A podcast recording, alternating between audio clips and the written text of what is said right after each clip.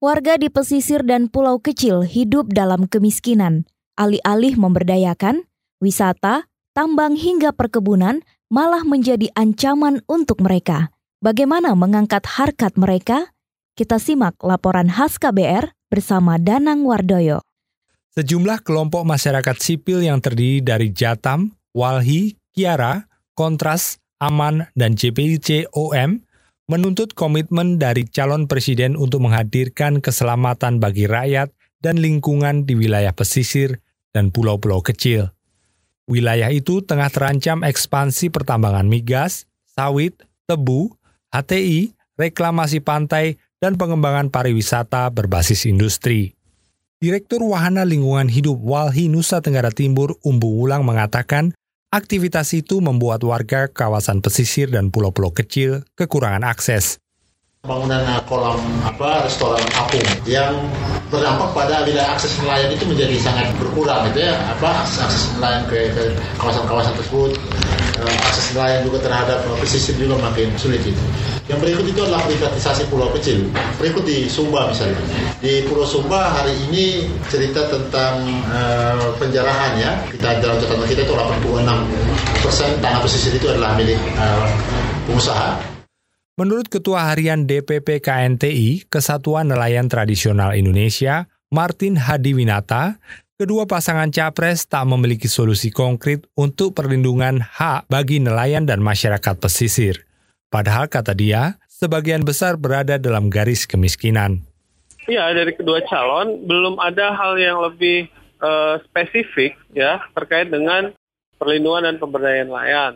Nah, tapi keduanya itu belum mengelaborasi lebih lanjut bagaimana konsep perlindungan uh, hak masyarakat, hak masyarakat nelayan, masyarakat pesisir terhadap tempat tinggalnya, wilayah uh, mereka uh, jika nelayan wilayah tempat uh, menangkap ikan dan lain-lain.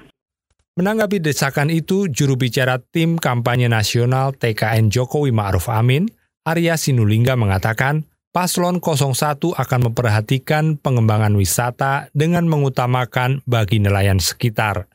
Kita pasti ke depan tuh akan ada dengan penegakan hukum gitu untuk hal-hal tersebut gitu. Dengan penegakan hukum gitu ya untuk mengembalikan kalau ada pulau-pulau yang selama ini privatisasi itu kita kembalikan kepada pulau yang yang memang sesuai dengan aturan mainnya. Pengembangan ini ya pengembangan pariwisata sih dan nelayan ya itu yang utamakan. Apalagi yang di pinggir pantai yang memang mereka nelayan-nelayan kecil yang tidak punya eh, kapal-kapal uh, yang besar gitu ya nanti itu ke depannya ini makin diberdayakan merekanya gitu.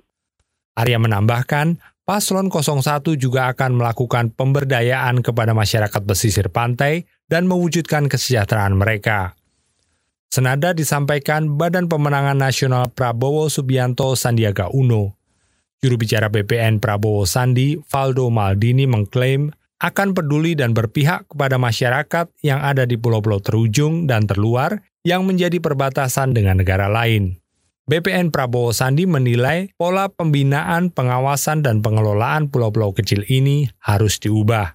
Yang paling penting adalah gimana caranya masyarakat di sana merasa hadirnya pemerintahan di sana. Belum lagi kalau seandainya kita lihat tidak sedikit pihak swasta atau perseorangan dari dalam dan luar negeri tiba-tiba punya pulau di Indonesia, tentu itu harus menjadi perhatian pemerintah. Dalam artian kita tetap membuka kerjasama pak beberapa investor dalam hal ini bisa perorangan atau perusahaan, tapi yang nggak kalau lebih penting adalah aturan mainnya harus diatur sedemikian rupa.